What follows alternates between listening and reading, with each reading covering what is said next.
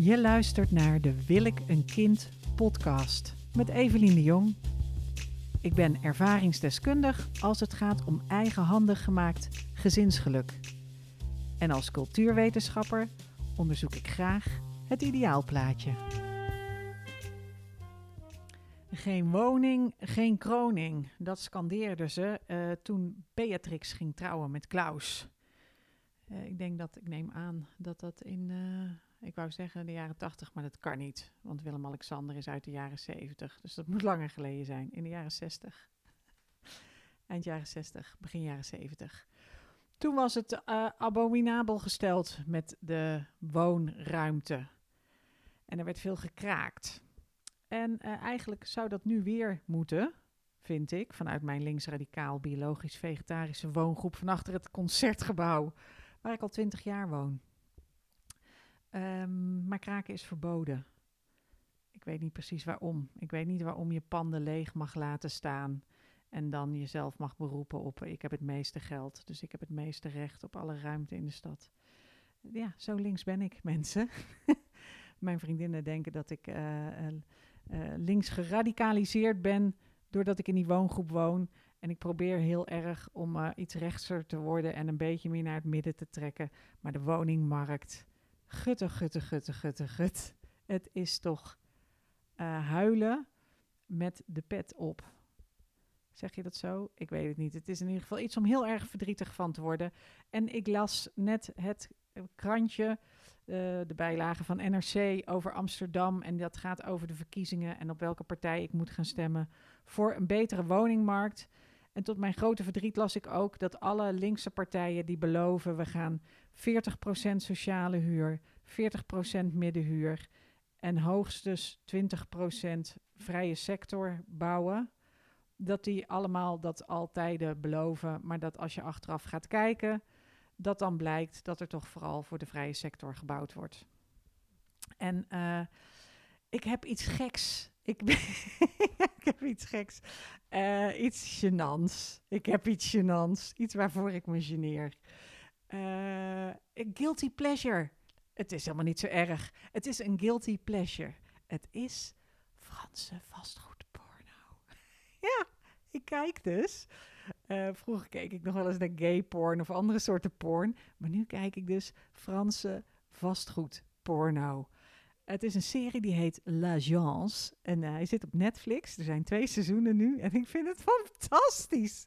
Het is Franse vastgoedporno. Want het is een Frans gezin. Met een uh, leuke moeder, vader, vier zonen. En een oma. En die dealen in huizen voor de welgestelden. En aan het eind van het tweede seizoen gaan ze van uh, luxe naar ultra luxe. Gaan ze van huizen van uh, 3, 4 miljoen naar uh, huizen van 80 miljoen.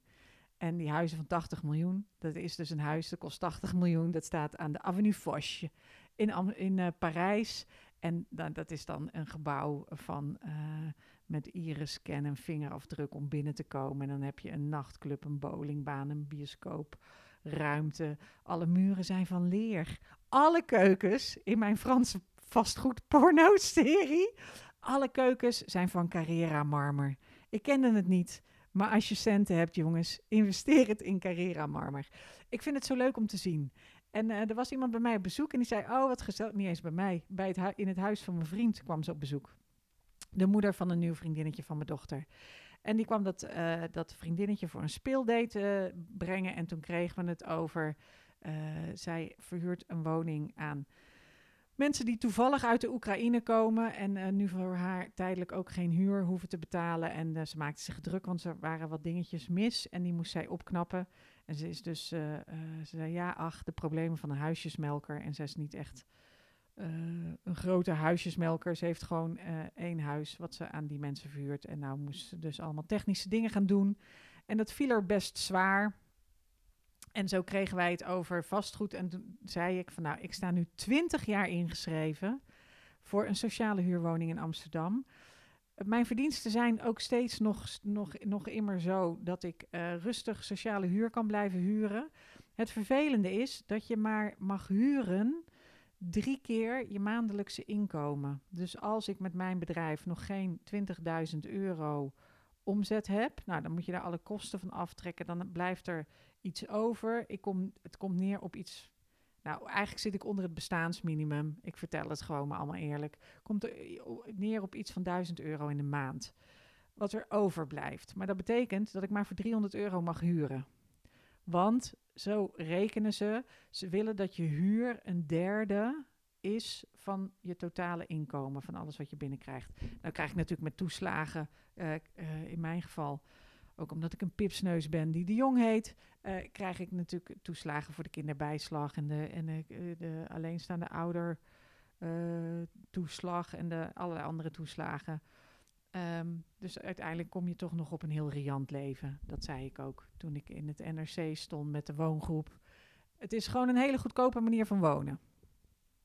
Uh, Franse vastgoedporno. Het ging over wonen. Daar wilde ik het met jullie over hebben. Oh ja, de incentive voor deze podcast is dat een vriendin van mij zei. Die had iets gehoord over wat ik had verteld. Ook over woning en over. Uh, in een vorige podcast. En die zei. Je onderschat het probleem schromelijk. Jij doet net alsof iedereen in een woongroep kan gaan wonen. En je doet net alsof er voldoende sociale huurwoningen zijn. Maar het probleem is echt heel groot en echt heel nijpend. En toen zei ik, daar heb je gelijk in. Ik maak heel vaak van dingen een grapje. Of ik probeer het een beetje laconiek te brengen. Of een beetje opbeurend of opmonterend. Maar het is natuurlijk in en in triest. Dus pak een steen, gooi hem ergens heen. Nee, of ja, ga stemmen. Of nou ja, dan nog blijft het lastig. En um, ik vind die vastgoedporno dus heel lekker om naar te kijken. Dit zijn dus hele luxueuze huizen. En wat ik ook leuk vind, is dat het vaak bijna altijd komen de vrouwen die komen het huis uitkiezen. En ze zijn vaak ook gewoon zelf nou ja, directeur of CEO of CFO van een onderneming. En hebben dus wensen voor een huis van 3 à 4 miljoen. L'Agence heet de serie mensen, L'Agence. En ik mag dat kijken van mezelf, want uh, ik ben vloeiend in het Frans, maar dat moet ik natuurlijk uh, uh, onderhouden. En dus kijk ik Frans-Frans, Franse series met Franse ondertiteling. En zo hou je dat een beetje bij. En zo kwam ik bij deze fantastische serie met die vier goddelijke zonen. Die, maar heel specifiek uh, nou ja, over wonen en je kinderwens. Want een woning is wel een heel groot uh, vastgegeven, een heel groot levensbesluit waar je gaat wonen of dat je een appartement krijgt.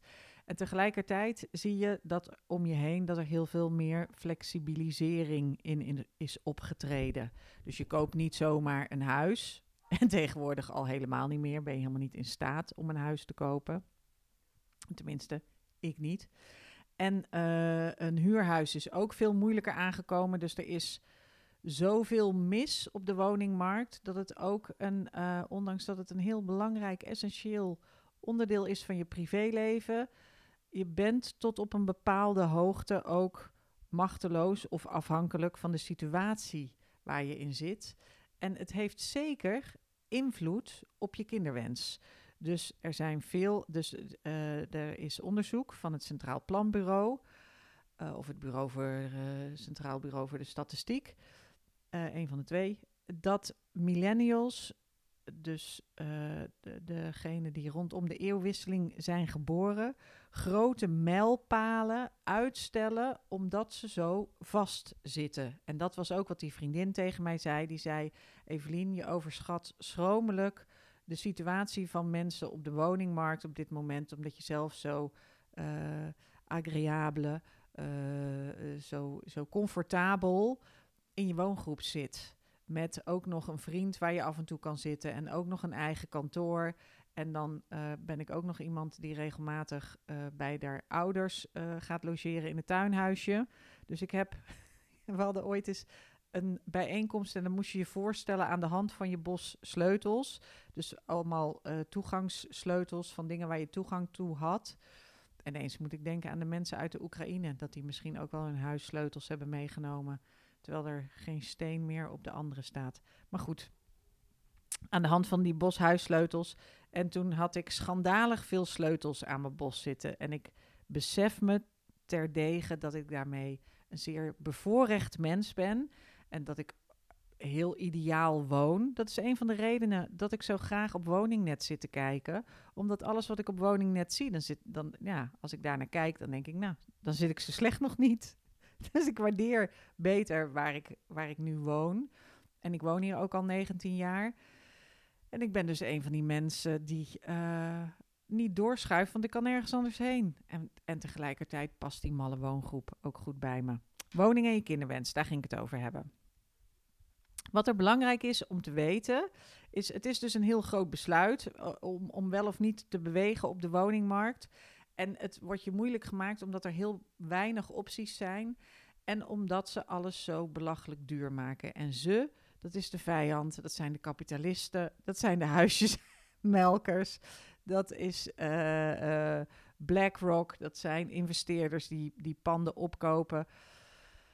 Ik weet dat ik daarin links geradicaliseerd ben.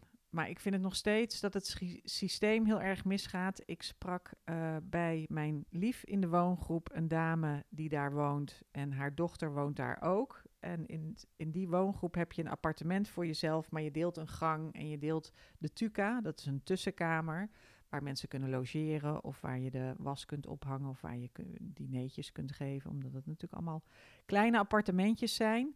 Maar zij zegt, ik betaal al heel mijn leven lang huur. Als ik dit huis toen had gekocht, dan was het nu al lang van mij geweest. Maar wat ze doen, de woningbouwvereniging, is bij mij steeds de huur verhogen. En uh, iedere keer moet ik meer gaan betalen. En ik moet meer gaan betalen omdat de rest meer betaalt. Maar in principe is het huis door mij al lang afbetaald. Alleen ik heb er niks voor. Uh, er staat niks tegenover. En dat is nu een beetje de situatie waar we in zitten. Is dat we denken, ja, je moet een huis hebben als beleggingsobject om in te investeren. Ik lees uh, ook het boek momenteel van een of andere malle, beetje rechtse rakker, denk ik. Uh, hoe ik toch huisjesmelker werd. Uh, die schrijft van, nou ja, ik, hij wilde eigenlijk een huis voor zichzelf kopen, maar kreeg daarvoor geen hypotheek. Maar toen die panden wilde kopen als beleggingsobject, ja, dan krijg je wel een hypotheek. Want iedereen heeft wel in de gaten dat het goede beleggingsobjecten zijn. Dus huizen worden gebruikt om geld mee te verdienen in de plaats van dat ze gebruikt worden waar ze voor dienen, namelijk om te wonen. Ben ik nog niet bij die woning- en kinderwens aangekomen. Nou hou ik op. Wat belangrijk is voor je kinderwens, is dat die woning minder onomstotelijk is dan het besluit wel of niet een kind. En je hebt een goed besef nodig van het proces en van de tijd. Er zitten leeftijdsfases, zowel in je, in je eigen leven als uh, wanneer je voor een kind uh, kiest in het, in het leven van, van dat kind.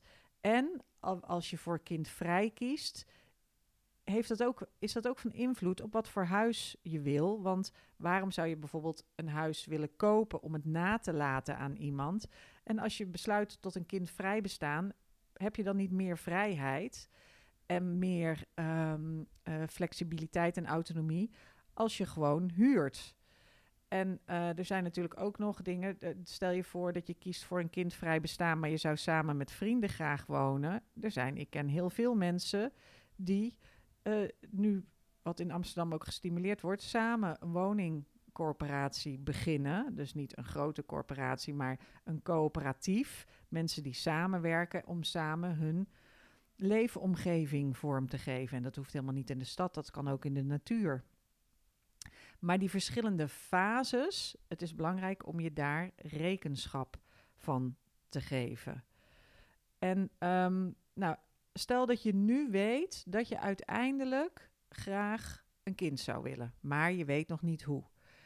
Je weet dat je dat het liefst als bekroning op de liefde zou willen. Nou, zetten we dat op één en dan laten we hem daarna lekker staan, want dan kunnen we nog even geen. Uh, um, uh, hebben, kunnen we nu geen invloed op uitoefenen. Maar daarnaast twijfel je tussen co-ouderschap, eventueel met een, uh, met een, een, een man, of solomoederschap een kind van een donor. En dan heb je bepaalde wensen en eisen die je stelt aan je woonomgeving. Maar die wensen en eisen ga je pas stellen op het moment dat je zwanger bent en het kind eraan komt. Dan pas zijn die eisen van belang.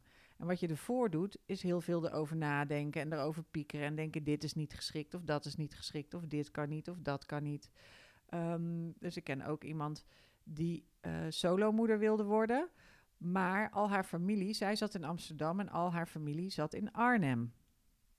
En zij heeft dus gespeeld met de gedachte: zal ik teruggaan naar Arnhem om dichter bij mijn familie te zijn? Maar ze had daar niet te werk, ze had daar niet de sociale netwerk, de vrienden zitten. Maar je familie, als je een kind krijgt, wordt vaak ook belangrijker. En je kunt over dat soort dingen wel een mindmap maken uit de vorige podcast. Dus je kunt daar over een woning kun je uitstekend mindmappen. Ook als je erover nadenkt. Ik heb zelf hier voor de vraag gestaan. Ik woon in een woongroep. Dat is een groot. Uh, met acht volwassenen. Het is een groot pand achter het concert, concertgebouw. Met vier verdiepingen en een trappenhuis. En um, ik kon naar de penthouse. Dat is de enige ruimte die uh, avondzon heeft. De hele lichte kamer onder het dak. Wordt wel bloedheet in de winter. Maar ook zes hoog. Daarvan dacht ik, ja, maar met een baby en dan zes hoog. En misschien dat je de eerste tijd nog niet zo heel goed trappen kan lopen. En je moet het kind steeds die levensgevaarlijke steile trappen op en afsjouwen. Opa en oma moeten ook die trappen op en afsjouwen.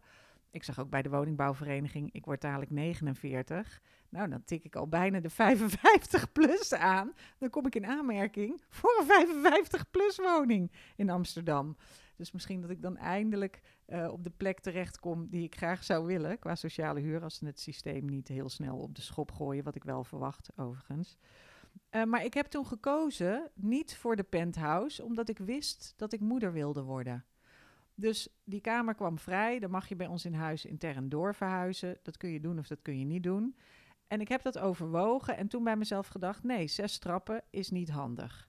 Het is goed als je fit wil worden, maar als je, als je een kind wil, is het gewoon niet handig. Want dan is het, het is te ver van de keuken beneden.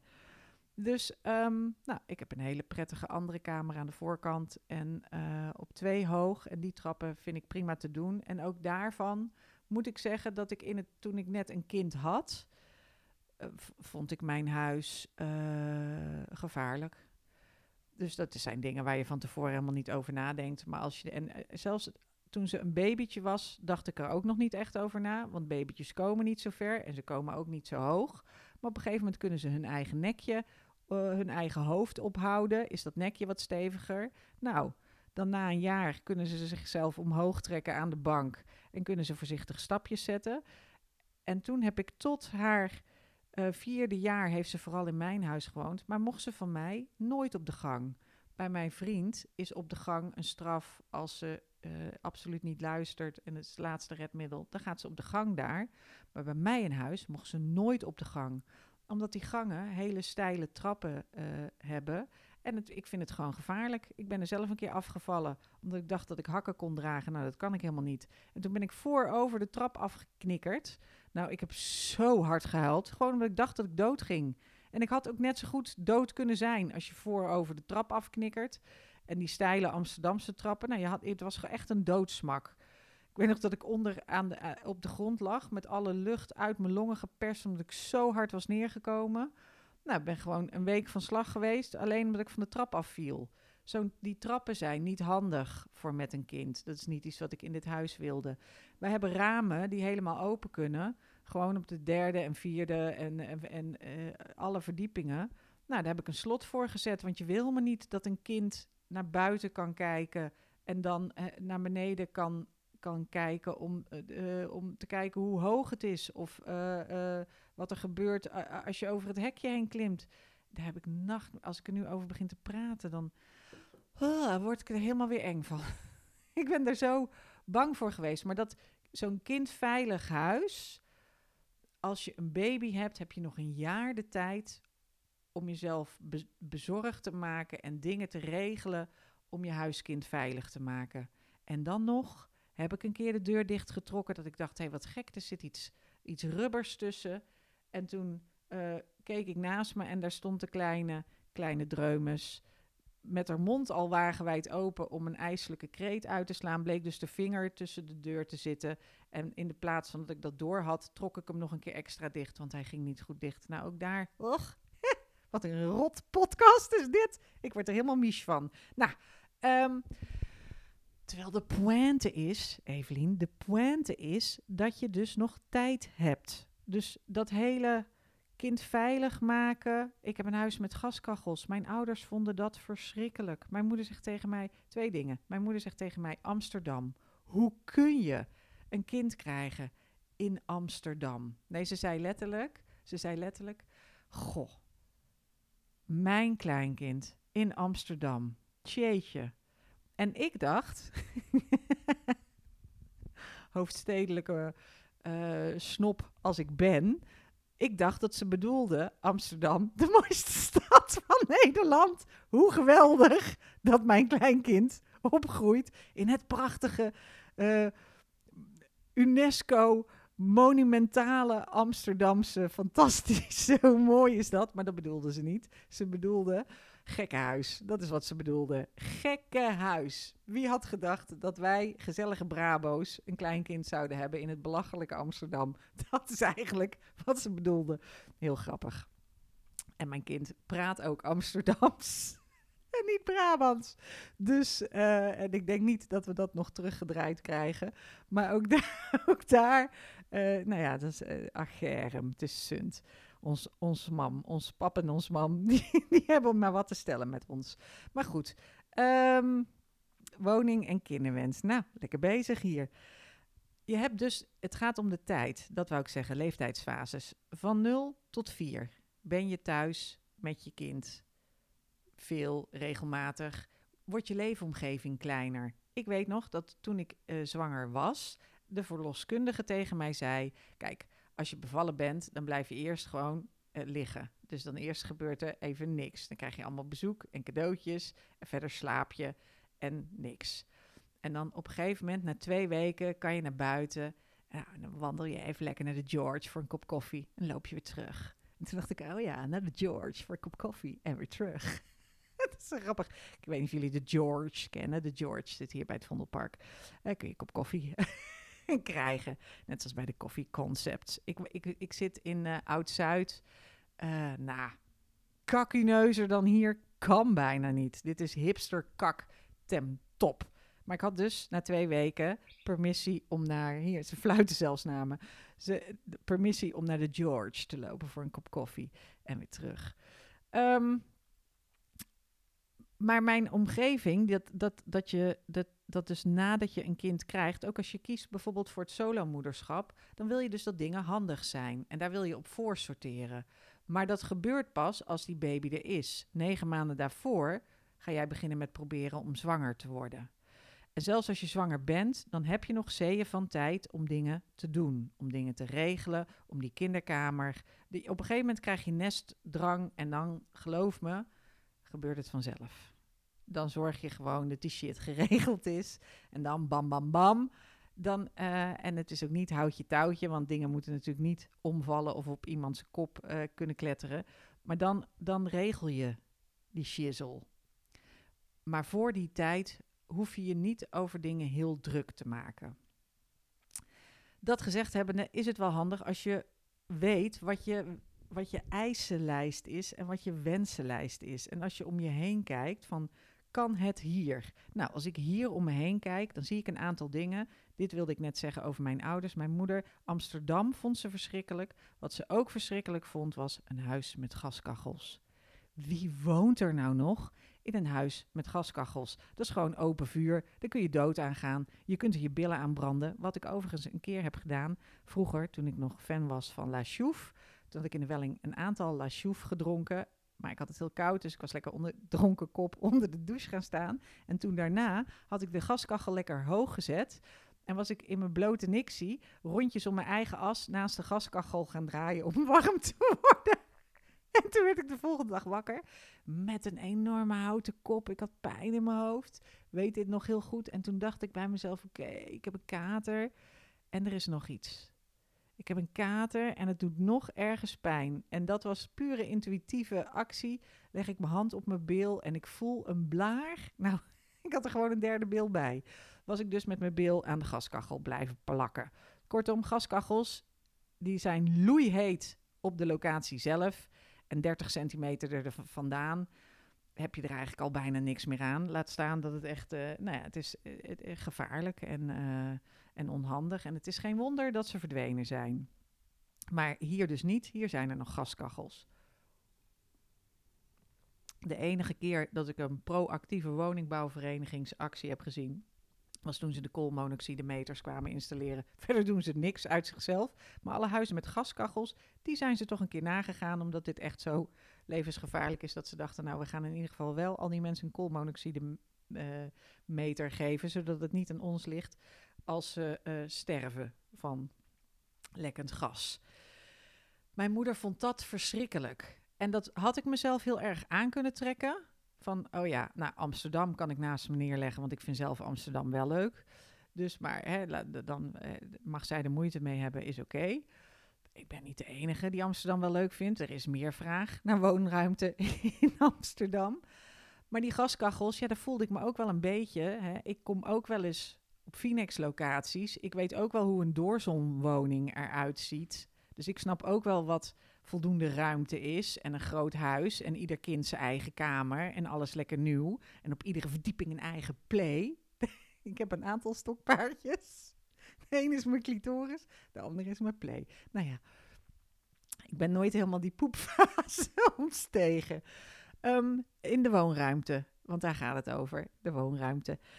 Um, ik voelde me wel aangesproken, maar ik moest ook denken aan een ex-vriendje dat ik had gehad. Een hele leuke vent. En die kwam van de ADM. En de ADM is een broedplaats. Dat zegt ook misschien niet iedereen iets. Een soort kunstenaarskolonie.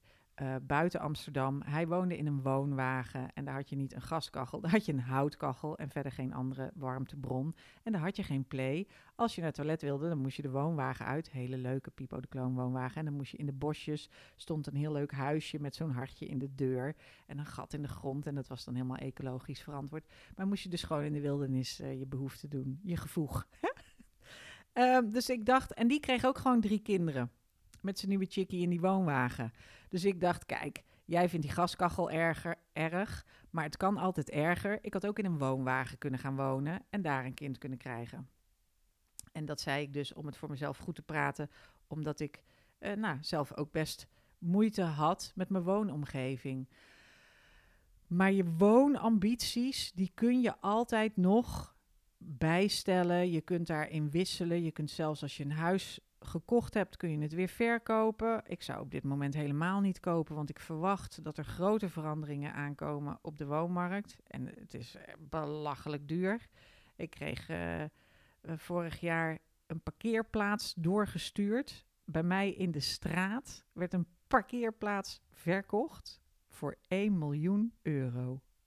1 miljoen euro voor een parkeerplaats. Het mooie was wel dat je kon met je auto de parkeerplaats inrijden en dan kon je binnen in de parkeerplaats uitstappen. Dat stond erbij als een S-zit. Ik weet niet of dat er ergens parkeerplaatsen verkocht worden waarbij je wel de parkeerplaats in kan rijden, maar dan moet je overnachten in je auto.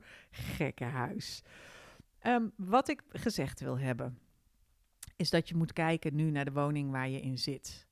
Waar zit je nu in en zou je hier zwanger kunnen zitten in, de in het huis waar je nu uh, uh, rondkijkt? En wat zou er dan allemaal moeten veranderen? En dan in de toekomst, wat zijn je opties? Waar kun je weg naartoe? Waar zit je familie? Waar verwacht je een vangnet? Heb je sowieso nog woonambities of droomambities? En ik wil niet, ik weet dat je klem kunt zitten. Ik had het er pas nog over met een huisgenoot. Uh, nou, wij wonen in die gekke woongroep. Wij kunnen ook allemaal niet zomaar weg, omdat dit nog heel betaalbaar is. Dus al het andere is meteen veel duurder. Nou, ik maak de meeste kans met mijn 19 slash 20 jaar inschrijfduur. Maar ja, sommige mensen die zijn net 20, dus die staan niet al 20 jaar ingeschreven. Dan kan je voorlopig nergens heen. Um, betekent dat dat je niet over je kinderwensen kunt nadenken? Nee, je kunt er wel over nadenken en dan kun je kijken wat, wat zijn allemaal opties. Als je naar opties gaat zoeken in de plaats van naar obstakels. Dat is wel een, een, hele goede tip die ik in deze podcast even uh, wil melden. Als je gaat zoeken naar oplossingen en naar opties, ook in de woonmarkt, dus ook al is het niet ideaal. Het is, wonen is ook niet voor altijd. Je kunt dingen vinden waardoor je denkt: oké, maar dan is het goed genoeg.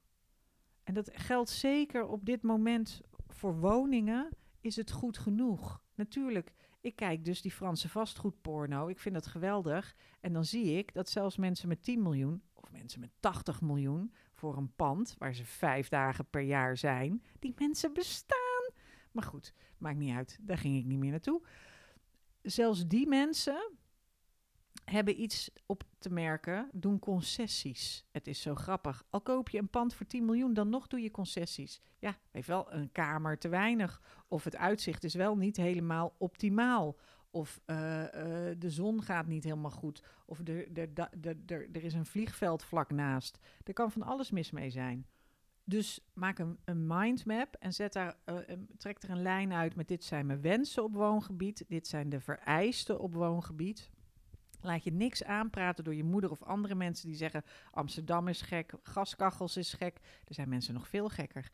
Ik heb hier, denk ik, 25 vierkante meter of zo. Ik heb geen idee. Ik heb niet zo goed het metrage. Daar ben ik niet heel, heel, heel bien in. Maar um, ik heb een woonkamer met een hele grote kast. Met in het midden boeken.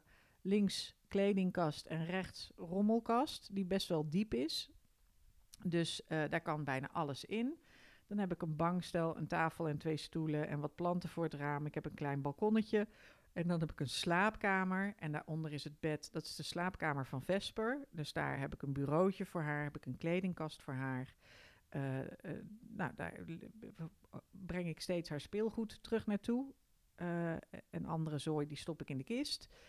Ik heb een grote kist met ook allemaal uh, kinderdingen. En dan daarboven is mijn hoogslaper. Want toevallig heb ik een, een prettig hoge ruimte. En die hoogslaper, dat is mijn slaapkamer. Meer is er niet nodig. En is dit zoals ik het hebben wil? Nou, dit is gewoon goed genoeg. Dit is goed genoeg. En er zitten een paar dingen aan waarvan ik denk, nou, dat vind ik echt volkomen ruk. Die gaskachels, niet ideaal. De trappenhuis, niet ideaal. Die ramen die helemaal open gaan, niet ideaal. Deze kakuneuze buurt, wow, best aardig. Hè, um, maar de liquidatieroute loopt ook langs mijn deur. Is ook niet heel geruststellend. En trouwens, alle wappies op het Museumplein. Ik vind prima. Uh, en ik trouwens, uh, wappies. Daar ga ik meteen zo, hoe noem je dat? mensen opzetten tegen elkaar. Ik, ik snap heel goed dat mensen niet die vaccins allemaal nemen of wilden. Ik heb er zelf ook over getwijfeld, maar ik hoef niet nog kinderen. Dus daarom uh, was, dat niet, was dat niet echt een overweging. En um, ik vind het schandalig dat die vaccins niet eens op vrouwen getest worden. Verschrikkelijk. Maar um, Museumplein, uh, overlast, omdat ik hier woon. Nee, niet echt. Maar goed genoeg. Dit huis is goed genoeg. En dan in zo'n hele woongroep je kind opvoeden heel ander verhaal. Kan ik ook nog wel iets over vertellen. Ik wil ook nog een keer mijn homie uh, uh, interviewen voor jullie, omdat hij dus vader is van een dochter in co-ouderschap. En uh, vragen aan hem hoe, hoe dat voor hem is. Zijn dochter is twee. Nou, mijn dochter is inmiddels acht. Van haar nulde tot haar vierde heeft ze vooral hier gewoond. En ze is hier nog op papier de helft van de week in de praktijk op maandagavond, omdat ze zwemles heeft in het Zuiderbad. En uh, ik merk nu ook dat mijn vriend zei toen al van nou, dit appartement is leuk, maar uiteindelijk waar hij nu woont, wordt het te klein voor haar, omdat zij natuurlijk ook uh, groter wordt. En uh, grappig genoeg had ik dat niet zien aankomen. dus misschien is deze podcast voor jullie ook wel een verrassing. Ze worden dus groter, die kinderen. Ja, eerst zijn ze onder een meter en dan ineens zijn ze boven de meter. En als ze hoger zijn dan een meter, dan nemen ze dus ook meer ruimte in beslag. Het is eigenlijk allemaal heel logisch. Maar uh, je moet het even weten. En dan wordt ruimte sneller te klein. Dus dan merk je, oh ja, dit is inderdaad heel gezellig. Je komt elkaar heel de tijd tegen in zo'n klein appartementje. Maar ik heb hier 25 vierkante meter voor mezelf. En dan hebben we dus nog een woonkeuken, een woonkamer, boven nog een keukentje, twee badkamers, drie toiletten, een dakterras, nog een tuintje, nog een kelder. We hebben hier heel veel extra ruimte. Dus die woonkamer en die slaapkamer met een uh, hoogslaper en het kamertje van Vesper eronder. Dat is mijn privéruimte en de rest is gedeelde ruimte. Nou, daar moet je ook maar net tegen kunnen. En misschien vind je het leuk of misschien vind je het niet leuk. Wij zoeken trouwens een nieuwe huisgenoot uh, momenteel. En momenteel is eind maart 2022, want deze podcast blijft langer bestaan. Maar als je in een woongroep wil wonen, dan moet je eens kijken op woongroepen.net. En daar kun je ook terecht als je een woongroep wil beginnen of als je uh, huisgenoten zoekt uh, op woongroep.net. En daar uh, zetten wij dus een advertentie voor een nieuwe vrouw. Zoeken wij. Ik weet niet hoe dat gaat in dit non-binaire tijdperk. Of dat we nog steeds een vrouw zoeken. Of dat we dat niet meer aandurven. Of dat er iets wokes in de, iets wokes in de advertentie staat. Um, dus, het dus die, die woonmarkt ja, hij, hij zit heel vast. Maar kijk voor jezelf, wat is er, wat heb ik nu en wat is goed genoeg? En als dit niet goed genoeg is, als je nu op een, punt, op, op een plek zit. Nou, stel je voor dat ik mijn eigen studentenkamer in Maastricht als voorbeeld neem. Dat was een heel klein kamertje, kostte toen 400 gulden. En um, het was heel klein en ik had het knalgeel geverfd. En daar heb ik toch, uh, nou, ik weet niet hoe lang gezeten. Met een wasbakje had je erin. Daar had ik niet een kind kunnen krijgen. Nou ja, zelfs daar had ik een kind kunnen krijgen. Maar dan was je echt met je zwangere buik binnengekomen. En dan had je amper een rondje om je eigen as kunnen draaien. Dus dat, dat was. En een studentenhuis is sowieso onhandig. Dat is sowieso onhandig om allerlei redenen. Als vanwege dat er studenten rondbanjeren. Dat, dat zijn een soort Wopke Hoekstra's. maar dan voordat ze volwassen werden. Hmm. Ehm, dus als je nog in je studentenhuis zit en je kan daar niet uit, dan kan ik me voorstellen dat je denkt: oké, maar dan moet je kijken naar welke alternatieven zijn er. Je kunt het ook omdraaien. Hè? Wat mensen doen, is dat ze zeggen: oké, stel je voor dat ik een kind zou willen.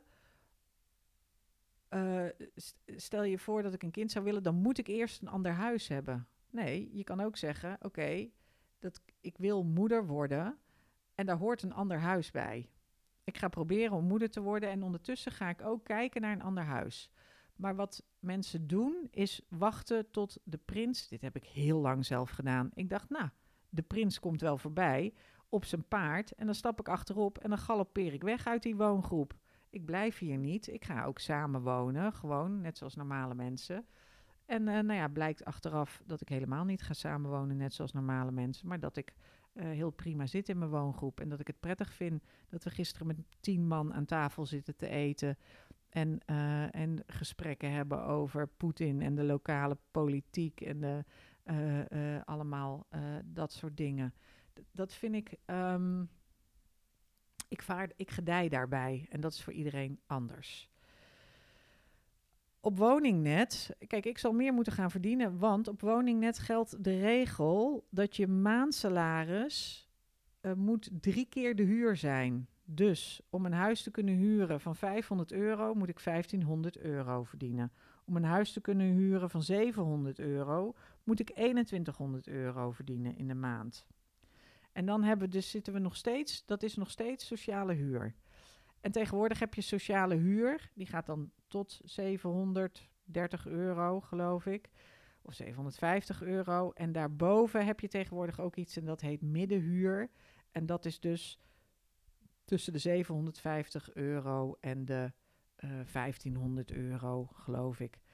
Ik vind het belachelijke bedragen. Ik zit dus dat boek te lezen en daar leggen ze uit waarom het zo steeds duurder is geworden. En dat komt gewoon omdat er mensen zijn die er heel veel geld aan verdienen. En die bepalen dat. Dus het is helemaal niet zo dat het een kwestie is van vraag en aanbod.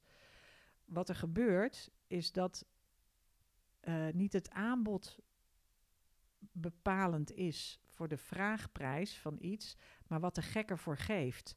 Dus het gaat er niet eens om wie, het met het meeste geld wil hebben, die bepaalt de prijs. En dat is de ellende. Voor zover ik nu, ik ben pas halverwege dat boek. Voor zover ik dat boek nu, uh, hoe ik toch huisjesmelker werd. Ik weet nog niet wat ik ervan vind. Uh, maar dus, dan zijn er ook nog tiny houses. Er zijn ook mensen die bij mij instappen, die zeggen: Ik heb in een busje geleefd en dat beviel me prima. Maar nu wil ik moeder worden, nu ga ik zelf ergens vast wonen. En dan uh, misschien ook in een woongroep gaan. Of ergens een, een, een, klein huisje vinden. Um, Nou, dat. Nou, dat. Wilde ik daar verder nog iets over zeggen? Ja, koop of huur. Ik denk dat het heel lastig is om nu iets te kopen. Ik denk dat dat, dat die markt is zo verziekt. Maar ja, het is ook lastig om iets te huren. Over het algemeen, als je hier naar luistert, zit je al ergens.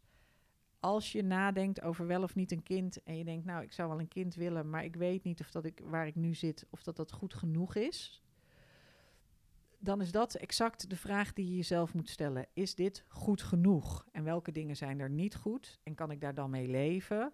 Is het goed genoeg? Dat wil dus zeggen dat er dingen ellendig en miserabel aan zijn, maar dat het toch voldoende is om in ieder geval eraan te beginnen. Ik adviseer in ieder geval om niet afhankelijk te zijn van je woonruimte voordat je ergens aan begint. Er is een, er is een minimum waaraan voldaan moet worden. Maar het is niet zo dat je eerst een goed appartement moet hebben, of eerst een goed huis, of eerst de perfecte woning, voordat je daarin zwanger kan gaan zitten uh, wezen. Dat is niet zo. Ik zou zeggen eerder nog andersom. Tegen de tijd dat jij zwanger bent, dan zorg je wel dat het in orde is. Want dan keert de wal het schip. Uh, mocht je nu eh, in een studentenhuis zitten en dat je denkt van ja, hier kan het echt niet, ga dan kijken naar wat er wel kan. En wacht niet op een prins die je komt redden of dat je dan gaat samenwonen. Want misschien gebeurt dat wel helemaal niet. Of misschien ga je wel samenwonen met vrienden. Of misschien krijg, doe je, ga je wel co-ouderschap doen met een leuk uh, gay stel dat in uh, Hartje Utrecht woont. En uh, dat je denkt, ik moet daar ergens in de buurt zitten. Kan ook. Dus sta je niet blind daarin op die woonruimte. En houd moed. Houd moed, kameraden. Er zal op een gegeven moment beweging komen. Ik begreep dat ze in Berlijn, daarom had ik op de SP gestemd. Zij waren de enigen die in het partijprogramma hadden staan dat ze BlackRock willen onteigenen.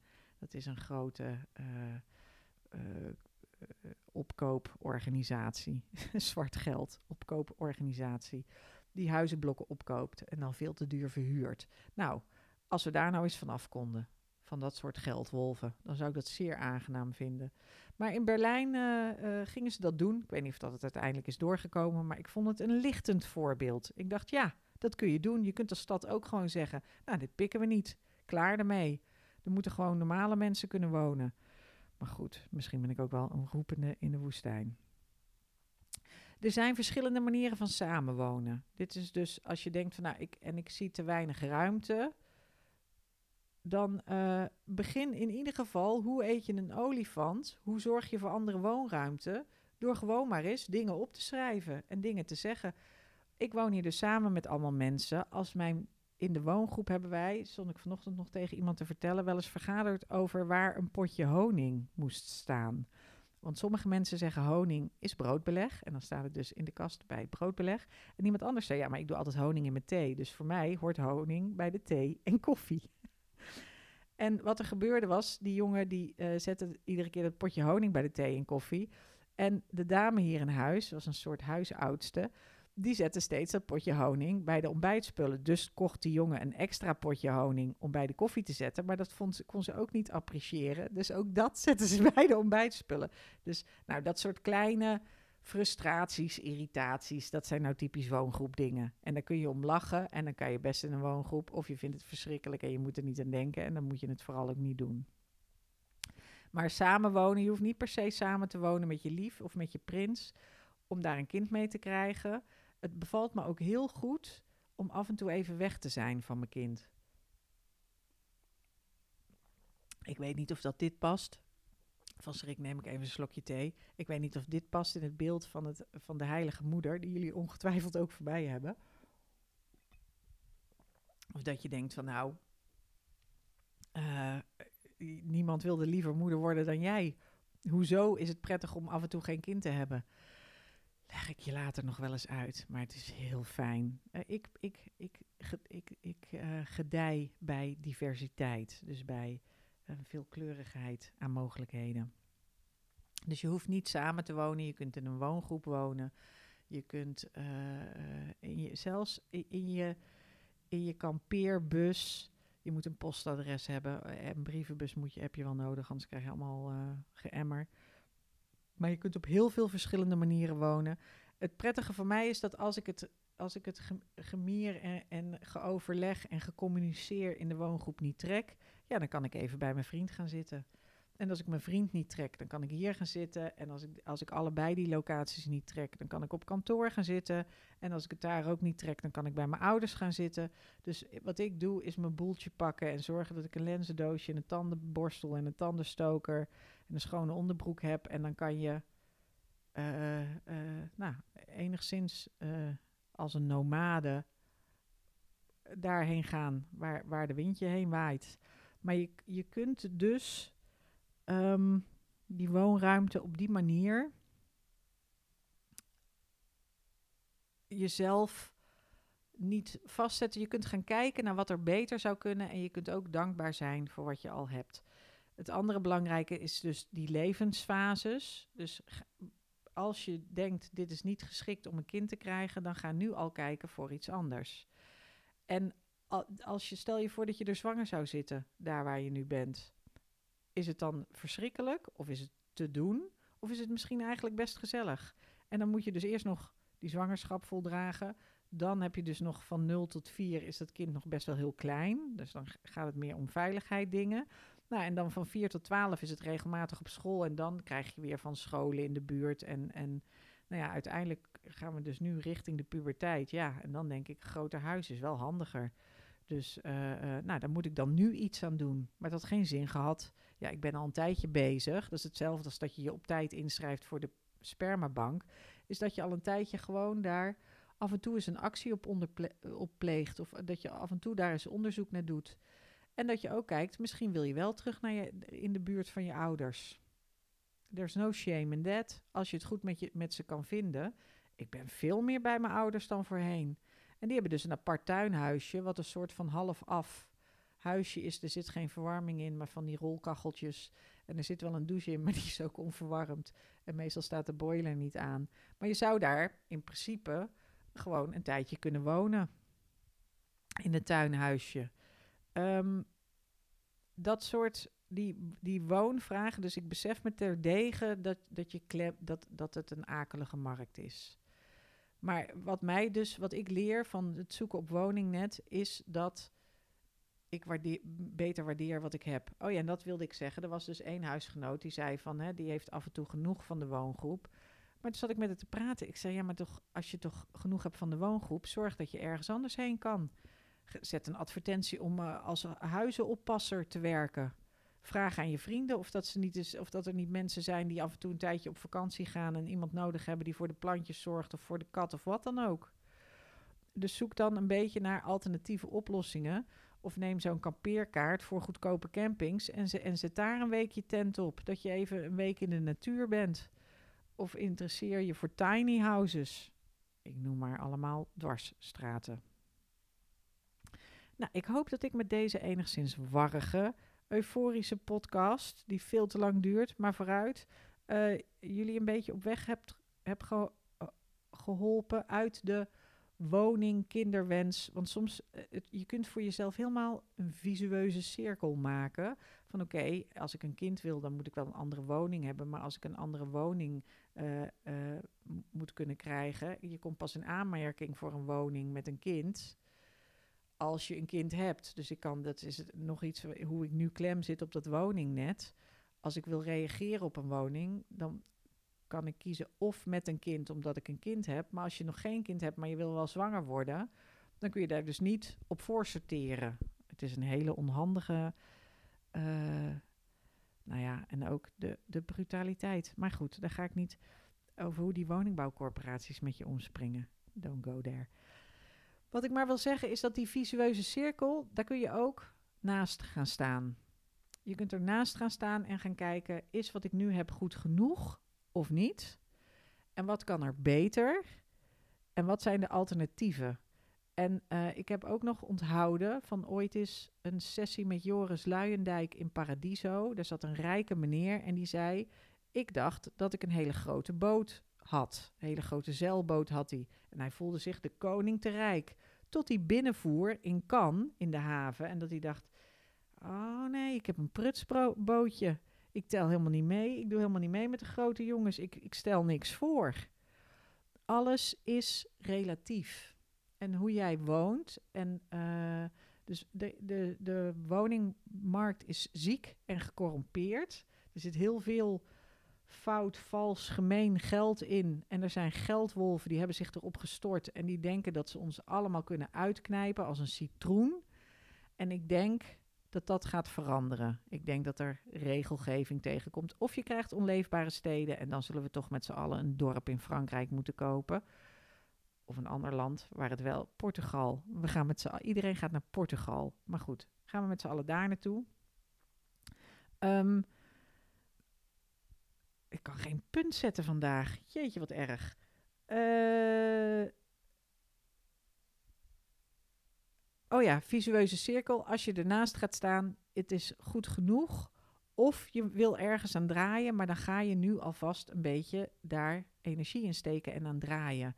En vergis je niet, de mensen die het allermeest op de allernaarste manier klem zitten op de woningmarkt, dat zijn de mensen die gescheiden zijn en bij elkaar in de buurt moeten blijven, maar dat niet kunnen betalen en dan bij andere mensen op de bank gaan couchsurfen en die doen aan birdnesting omdat ze eh, het huis niet uh, uh, kunnen verkopen en dus al die mensen die romantisch aan kinderen begonnen, die, dus, hè, die, die, dus die elkaar redden en met elkaar gingen samenwonen en alles op die ene romantische pilaar hebben gezet en, en dat fundament brokkelt af die mensen die zitten vast in een huis met iemand waar ze niet in willen zitten.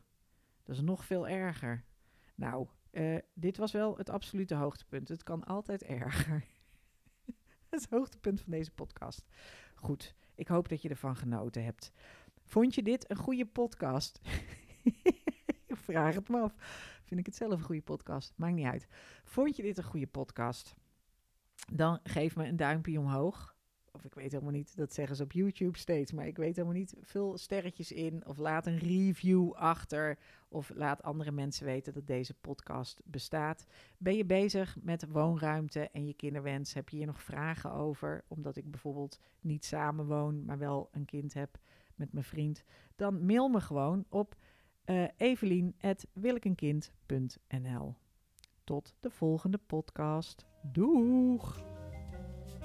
Je luistert naar de Wil ik een kind podcast met Evelien de Jong. Ik ben ervaringsdeskundig als het gaat om eigenhandig gemaakt gezinsgeluk. En als cultuurwetenschapper onderzoek ik graag het ideaalplaatje.